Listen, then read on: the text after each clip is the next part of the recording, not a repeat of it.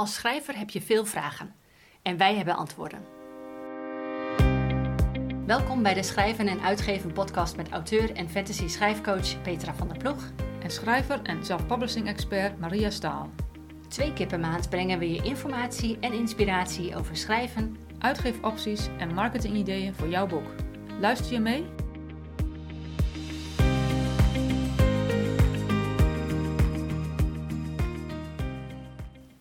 Hallo, ik ben Petra van der Ploeg en vandaag is het zaterdag 28 mei 2022. Deze aflevering is nummer 22 van de podcast, waarin we veel gestelde vragen beantwoorden van schrijvers. Denk bijvoorbeeld aan: hoe krijg je jouw boek onder de aandacht van het publiek? Hoe krijg je een e-book in de online biep? Of hoe vind je een goede redacteur? Maria en ik beantwoorden deze en meer vragen. Veel luisterplezier.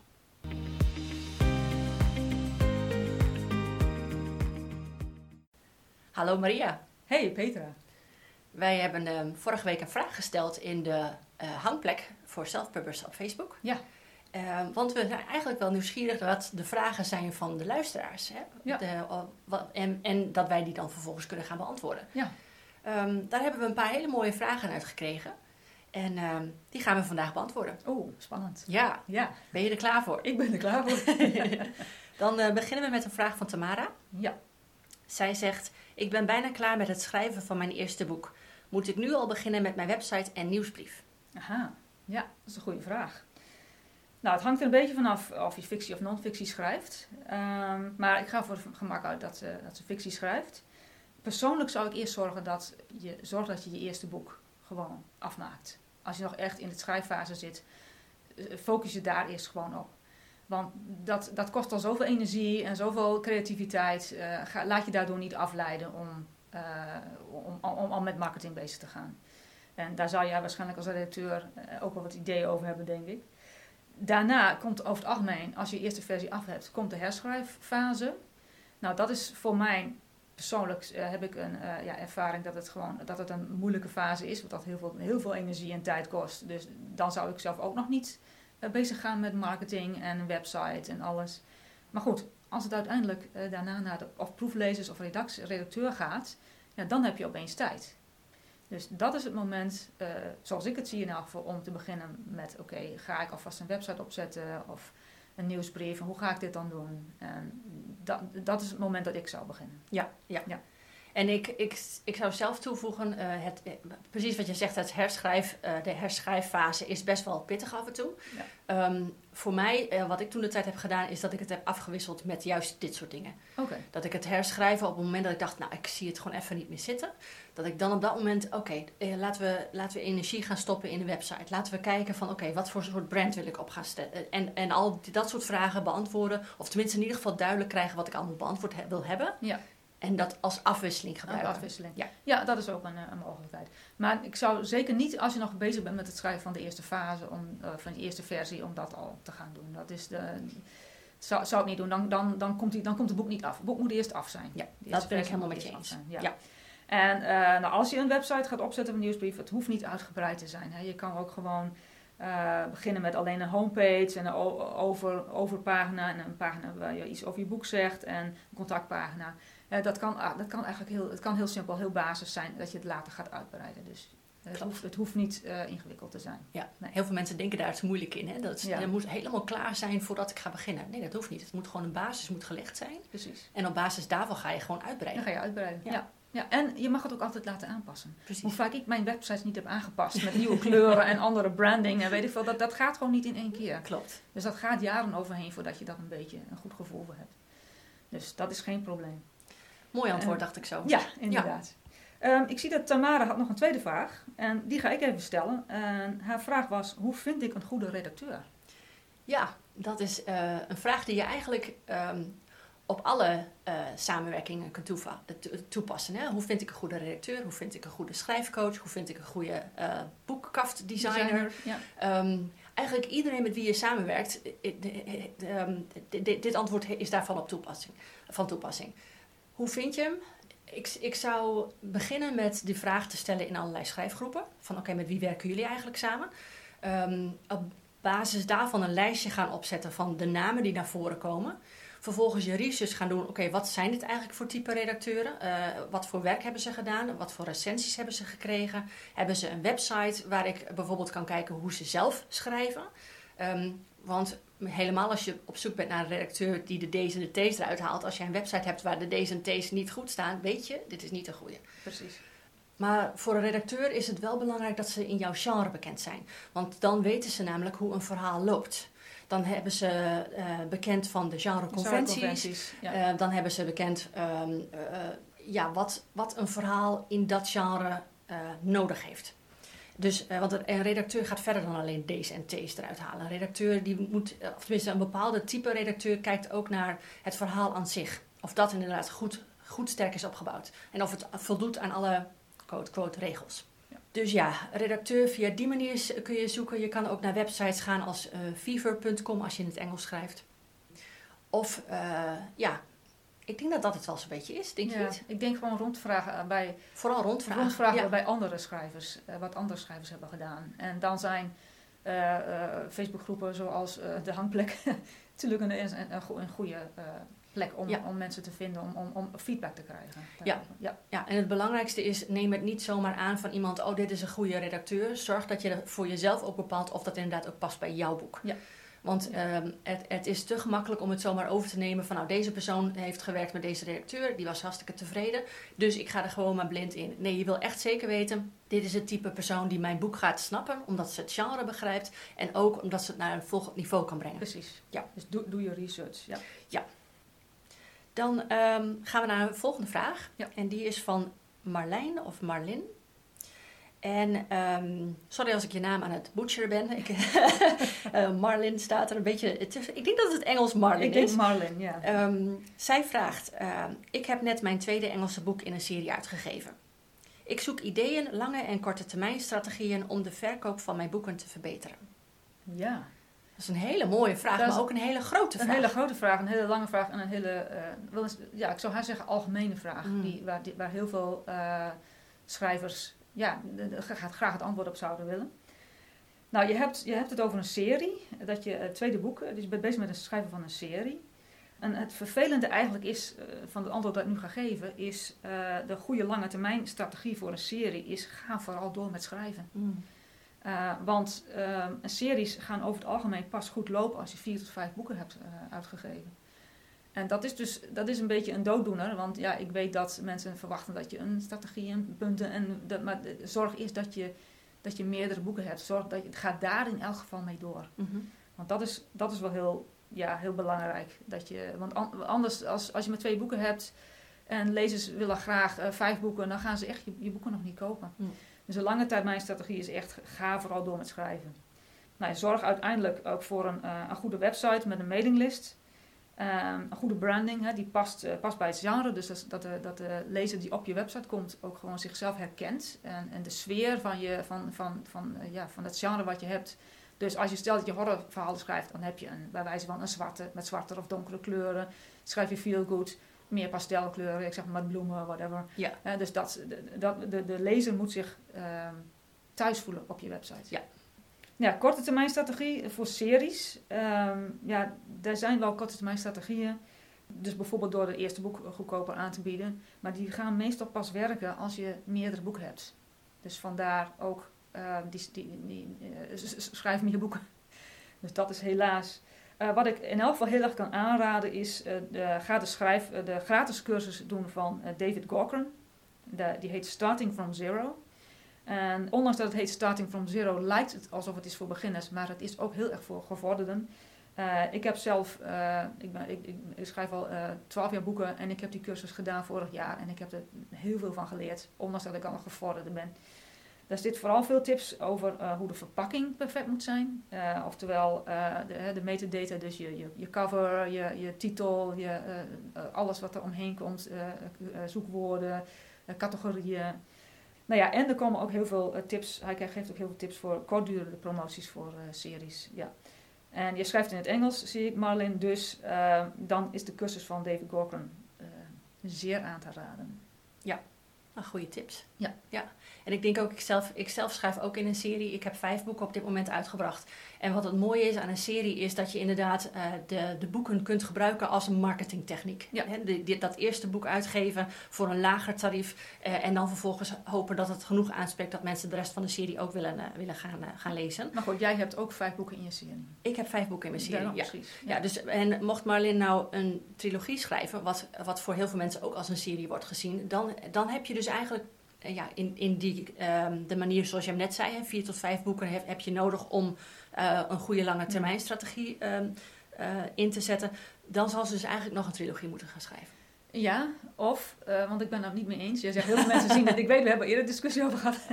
Jij zegt dan, een trilogie is ook een serie. Nee, een trilogie is een trilogie. En dat, daar, daar zijn specifieke uh, marketingtechnieken voor, voor ja. trilogies. En dat maar dat is, dat is denk ja. ik meer de, de, de praatmanier. Op het moment dat, uh, ik, ik, dat is de, echt het vakjargon stuk ja, waar jij het ja, over ja, hebt. Ik denk dat als mensen het hebben over een serie, dat mensen het hebben over meer dan één boek. Uh, dat een bepaald verhaal in meer dan één boek wordt gezet. Of het vakjargon technisch klopt, is natuurlijk een ander verhaal. Dat is een ander verhaal. Maar goed, daar hebben we het nu niet over. nee. Um, dan gaan we naar de volgende vraag. Dat, ja. Die is uh, van Martine. Uh, zij zegt: Mijn debuut is in de eindredactiefase. Is er ergens online een overzicht te vinden waar je kunt zien wat optimale maten zijn voor het drukken? En dan heeft ze daaraan gekoppeld de POD, dus de Printing on Demand. De print on Demand, ja. Voor zover ik weet uh, is er niet echt een overzicht over wat, uh, ja, wat de beste maten zijn voor je boek. Maar het mooie van een zelfpapper zijn is dat je dat ook gewoon helemaal zelf mag weten.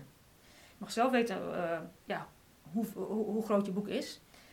Kijk wel een beetje naar het aantal woorden, want als je echt een boek schrijft wat uh, meer dan 100.000 woorden heeft en je maakt een boek nou ja, vrij klein, zoals je die pocketboekjes die je vroeger had, dan wordt het dus een heel dik boek. En dat kan onhandig zijn. Dus daar, hou daar een beetje rekening mee. Uh, het houdt er ook wel een beetje van af van of je een paperback wil gaan doen of een hardcover. Um, paperbacks zijn vaak kleiner en hardcovers zijn vaak groter qua afmetingen. Ik zou zeggen, kijk gewoon eens in je eigen boekenkast of ga naar de, nou, de bibliotheek niet handig, dat zijn meestal hardcovers. Maar kijk in je eigen boekenkast, boeken in jouw genre, welke formaten uh, zijn er. En, en uh, hou ze eens vast, kijk eens wat goed, jou goed in de hand ligt en wat je zelf, ja, wat je zelf prettig vindt. Um, ik weet dat in Nederland wordt er vaak gekozen voor een A5. Uh, dat is dus een halve A4. Um, dat zou ik persoonlijk nooit kiezen voor een boek. Want een A5 uh, is eigenlijk um, te breed. Te breed voor de hoogte. Uh, want in mijn geval, papieren boeken zijn altijd wat, wat langer, zou maar zeggen, wat hoger. En niet, dus een A5 zou ik niet kiezen, sowieso niet. zelf gebruik ik um, 5, 5 bij 8 inch voor mijn papieren boeken.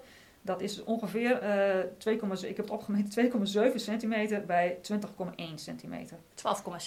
12,7, ja, sorry. 12,7 centimeter bij 20,1 uh, centimeter. En ik heb, ik heb, uh, mijn fictie is 80.000 woorden en dat boek is dan 2 centimeter dik. Dus dat is dan een prima dikte. Dus dat zijn, ja, je mag vooral zelf weten wat je, wat je doet. Eigenlijk, dat is eigenlijk, ja. en, maar, maar kijk ook wat, wat gebruikelijk is in je genre. En ja. wat je zelf ook ligt. Ja. ja. Ja, en ik denk ook, want je zegt er inderdaad heel goed, uh, uh, kijk ook naar de boeken in je genre. Ik denk dat dat ook heel belangrijk is. Want als jouw boek qua formaat um, buiten de normale formaten valt, zeg maar van dat genre, valt hij ook in de kast uh, ja. ineens heel erg raar op. Ja. En je ziet bijvoorbeeld met kinderboeken dat ze heel vaak van die speciale maten hebben, veel, veel groter dan de, de, de standaardboeken. Dat, dat kan, dat past. Dat past. Maar voor leesboeken zijn het over het algemeen ja. vrij, vrij vaak dezelfde type type boeken, type, hè, qua grootte. Qua grootte, ja. Dus en dan is het inderdaad belangrijk om te kijken naar het aantal woorden. Yes. Dus uh, goede tips. Martine heeft nog een tweede vraag gegeven. Zij zegt, uh, mocht mijn boek goedgekeurd worden door Biblion, hoe krijg ik dan een e-book in de Bib zonder bij het CB aangesloten te zijn? Ja, dat is een goede vraag.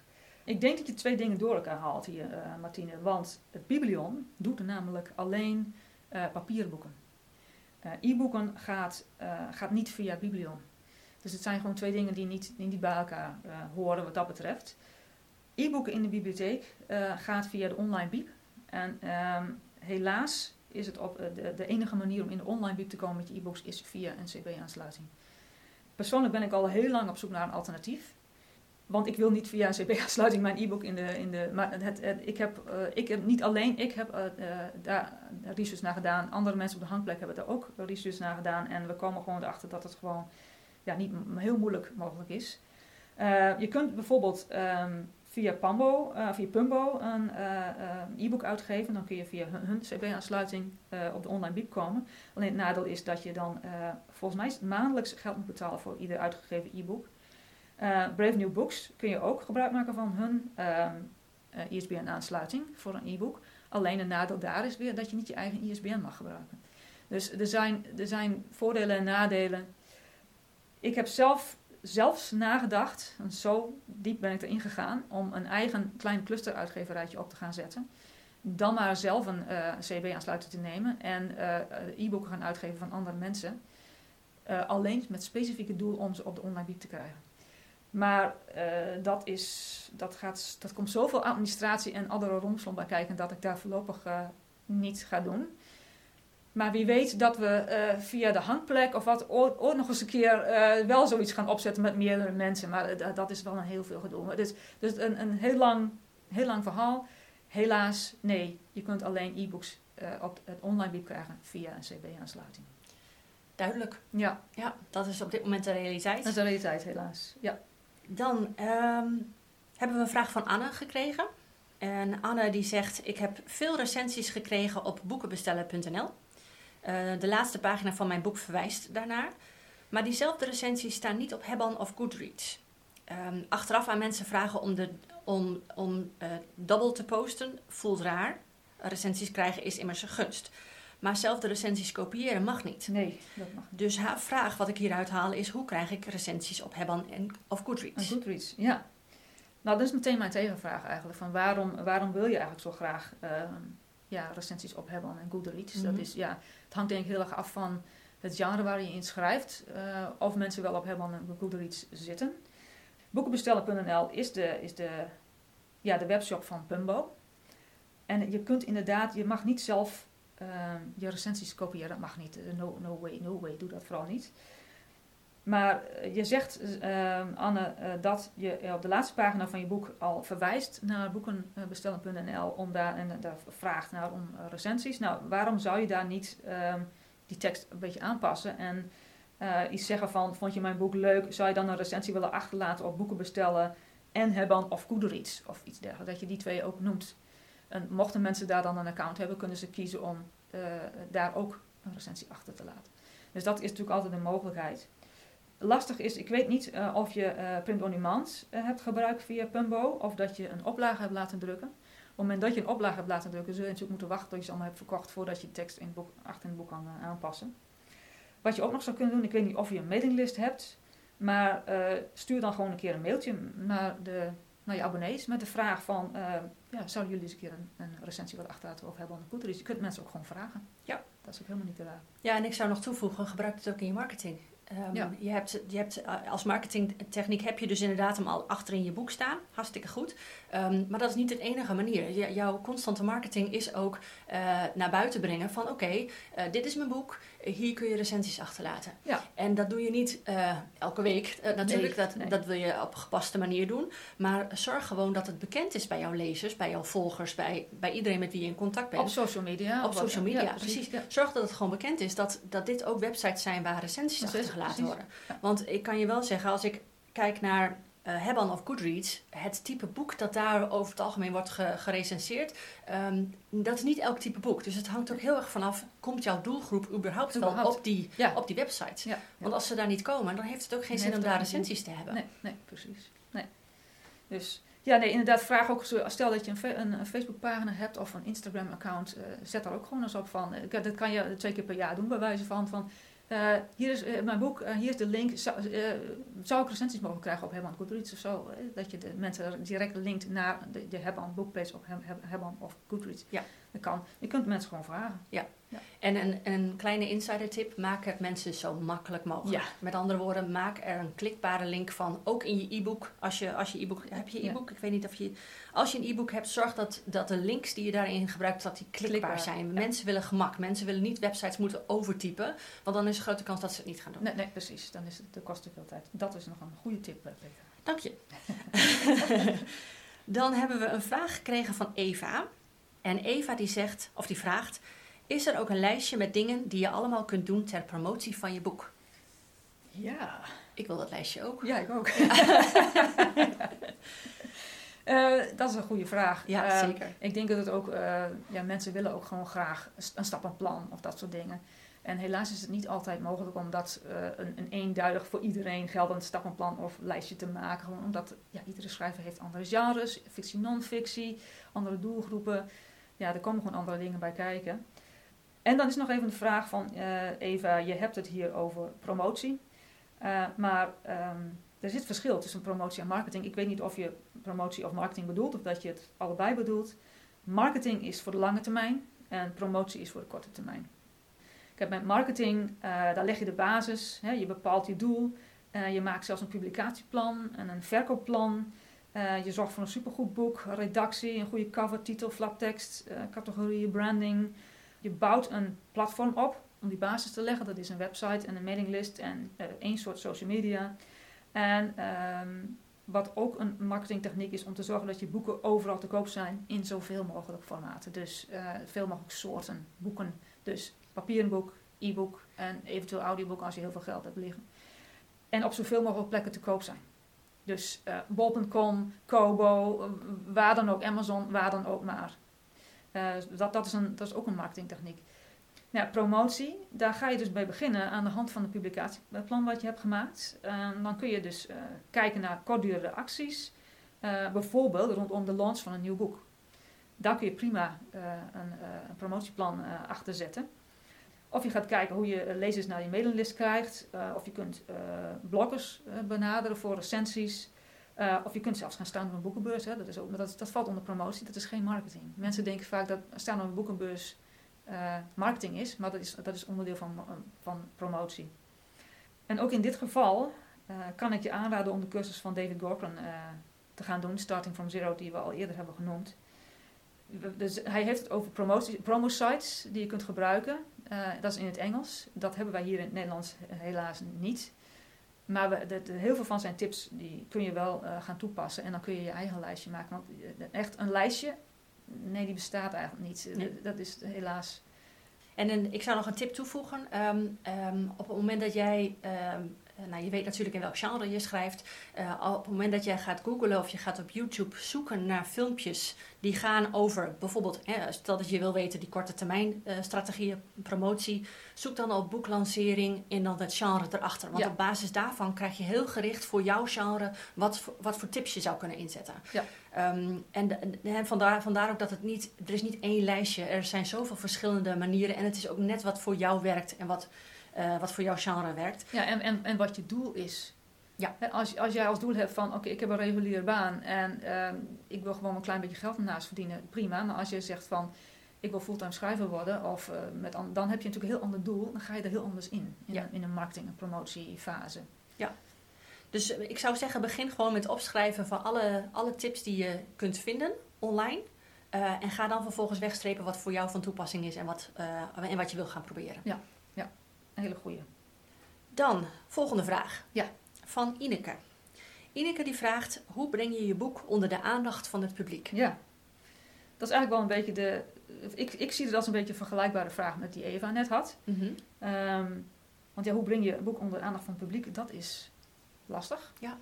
Ehm, het hangt ook weer af van of je fictie of non-fictie hebt.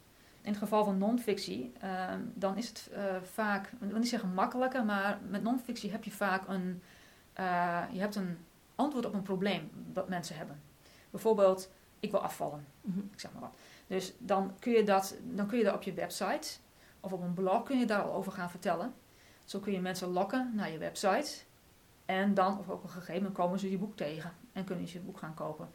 Dus dat is een beetje, ehm, zo breng je dus eh, een non-fictieboek onder de aandacht via een workshop of een cursus of een blog of een podcast. Eh, In feite wat wij aan het doen zijn is het wel vergelijkbaar.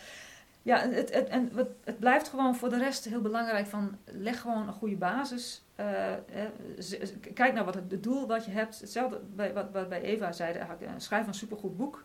Zorg dat het er supergoed uitziet, zorg dat het goed geredigeerd is en alles. En bouw een platform, websites, één soort social media en een mailinglist, als je dat al niet hebt. En ja, hoe breng je je boek onder aandacht van het publiek als je een specifiek... ehm, kijk, kijk naar waar je, waar je doelgroep is. Stel dat je een bepaald eh, onderwerp hebt en je weet dat je doelgroep ergens bij elkaar komt of weet ik veel wat, dan zou je daar gewoon kunnen zeggen van, nou ja, ik ga daarheen of ik schrijf mensen aan of, of clubs of uh, wat dan ook, die schrijf je aan en zeg je van, nou ja, mag ik een keer een praatje komen houden over mijn boek? Uh, dat soort dingen brengen ook mijn, ja. mijn boek onder aandacht. En ja, dat zijn, dat zijn dat zijn dan weer promotietechnieken. En dan is het goed dat je de basis al hebt gelegd met een goede marketingplan. Ja. Ja. ja, en wat ik zou toevoegen is um, de aandacht van je publiek krijgen doe je door er openlijk over te gaan praten. En dat betekent niet alleen in de, in de marketingtechnieken, dus hè, dat je promotieactiviteiten doet en marketingactiviteiten, maar ga ook gewoon op je social media vertellen waar je zit in het proces. Ik ben bezig met dit boek, dit gaat daar en daar. Misschien ken je iemand die dit interessant vindt. Uh, geef dan de naam door van dit boek. Of probeer in, in de normale gesprekken ook het naar boven te brengen dat jij met dit boek bezig bent, omdat jij dit boek net, net hebt uitgegeven. Ja. Of, um, of de, dat je op je social media zegt van. Uh, heb je vragen over, over dit onderwerp? Stel ze dan hier. Ik kan ze beantwoorden, zodat je een dialoog gaat krijgen met de mensen. Zonder dat je per se zegt van koop mijn boek, koop mijn boek, koop mijn boek. Want dat precies. moeten niet. Ja, en, en een laatste tip die ik nog zou geven is... Um, als je kijkt naar social media... en dan heb ik het specifiek even over bijvoorbeeld Facebook. Die heeft allerlei type groepen. Um, kijk naar wie is mijn lezer? In wat voor groepen zit, ja. zit die? Uh, ga dan daarheen en niet met het idee om je boek uh, aan te smeren... maar meer om, om gelijk jouw kennis te laten... Uh, uh, doorschijnen. Met andere woorden, als iemand dan in zo'n groep een bepaalde vraag stelt en jij weet dat heb ik beantwoord in mijn boek, geef dan gewoon het antwoord. Geef het antwoord. Ja. En laat mensen dan zien wat voor kennis jij al in huis hebt. Ja. Mensen worden dan geïnteresseerd in jou als, als persoon. Als jij dan vervolgens zegt, hé, hey, nou, ik heb er ook een boek over geschreven. Misschien is het interessant voor je. Dan kun je dat gewoon in het gesprek meenemen zonder dat het per se een verkooptechniek is. Precies, precies. Dat is vooral belangrijk op social media. Zeker, want social media heet niet voor niks social media. Het moet sociaal zijn. Klopt. Dus je moet mensen connecties maken met mensen. Ja, ja, daar is de connectie belangrijker dan de verkoop. Ja, absoluut absoluut. En uh, had ik al gezegd dat ik ook hier uh, toch wel de cursus van David Gorman kan aanraden. Ja. Uh, alleen het enige nadeel is natuurlijk wel, die is in het Engels. Ik weet niet ja, of dat een probleem gaat zijn, maar je zou altijd, ja, had, ja, had een plan van, om mensen om, om, een cursus te kopen met iemand die, die beter Engels kan. Ja, ja. ja wij hebben in de, in de vorige aflevering hebben we het over allerlei cursussen en trainingen gehad. Daaruit kwam ook naar voren dat er heel veel die wij, die wij aanraden ook Engelstalig is. En mijn advies zou daarin zijn: zoek iemand. Stel dat jouw Engels niet goed is, zoek iemand uh, wiens Engels wel goed is. Ga samen die cursus kopen. En ga gewoon afkijken van die persoon. Die persoon kan de, de, vertaalslag voor jou gaan maken. Nou, dit is wat hij zegt. En jij kan gewoon meeschrijven wat, uh, wat belangrijk is voor jou. Ja.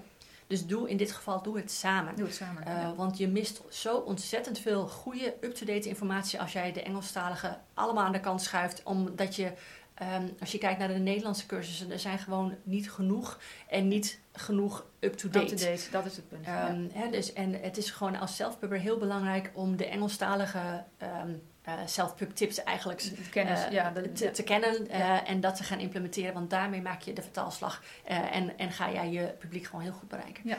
Dus ja. ja. Oké, okay, nou dat waren dus een x aantal vragen die we hebben gekregen. um, en, um, Superleuk om vragen te krijgen en te beantwoorden. Ja, ja. ja. en um, mochten er nu mensen zijn die luisteren en denken... Ah, ik heb ook een vraag die is niet beantwoord... stuur ons gerust een berichtje. Ja. Wij zullen uh, in onze transcript zullen we de links naar onder andere de cursus van David Cochran... Mm -hmm. zullen we uh, gaan geven. En ook een mailadres, zodat mensen ook gewoon rechtstreeks een mailtje kunnen sturen... als ze toch nog vragen hebben. Ja. En wie weet gaan we dan een binnenkort weer zo'n aflevering ja, opnemen. En, uh, want we, weet, wij zijn hier ook om, om de luisteraars te helpen naar hun perfecte boek en naar de, naar de goede verkoop van hun boek. Dus um, schroom niet om ons te benaderen nee, hiervoor. Nee, precies. Dus uh, nou, dankjewel voor het gesprek. Ja, graag gedaan.